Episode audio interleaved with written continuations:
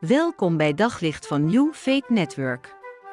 Luister elke dag naar een korte overdenking met inspiratie, bemoediging en wijsheid uit de Bijbel en laat Gods woord jouw hart en gedachten verlichten. De oprichter van World Vision, Bob Pierce, uh, werd gemotiveerd door eigenlijk één gebed wat hij heel vaak had gebeden. Heer, laat mijn hart gebroken worden door wat uw hart breekt. Als Bob Pierce ging bidden, dan keek hij om zich heen. Eigenlijk bad hij met zijn ogen open. Dan keek hij om zich heen. En de situatie waarin hij was, in, in, in, in landen in de wereld waar het vreselijk moeilijk was.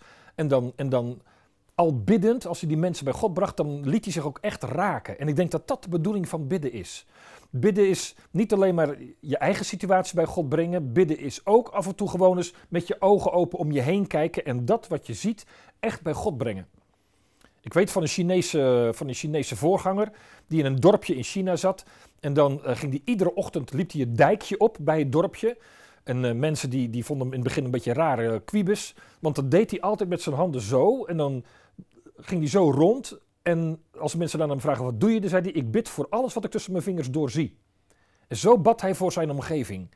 Mensen vonden hem vreemd, maar het ging goed in het dorp.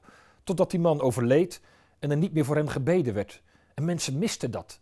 Ze het idee van, ja, maar wie, wie pleit nu nog voor ons? Bidden is ook voor andere mensen opkomen bij God. Voor andere mensen pleiten bij God. De Heilige Geest pleit voor ons en Jezus pleit voor ons, maar hij wil dat wij voor anderen bij hem pleiten.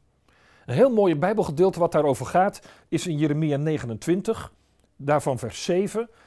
Daar zegt uh, de profeet tegen het volk Israël wat in Babel zit, op een plek waar ze helemaal niet willen zijn, de hoofdstad van de vijand. En dan zeggen ze, zegt hij, bid tot de Heer voor de stad waarheen ik jullie heb weggevoerd.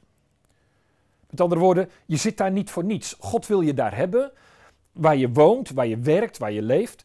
En bid voor je omgeving. Bid voor de mensen met wie je te maken hebt. Bid voor je buren. Bid voor je collega's. Bid voor je klasgenoten. Bid voor je medestudenten. Dat is wat God van ons vraagt. Hij wil dat wij niet alleen onszelf bij Hem brengen, maar ook onze directe omgeving. Hij wil zo graag niet alleen voor ons, maar ook voor de mensen om ons heen zorgen. God houdt niet alleen van mij, hij houdt ook van de mensen om mij heen met wie ik leef, in de straat, in mijn dorp, in mijn wijk, in mijn stad. En is het een van onze opdrachten om niet alleen te bidden voor onszelf, maar om ook te bidden voor onze omgeving. Om echt te zeggen, Heer, hier is mijn dorp, hier is mijn stad, hier is mijn straat.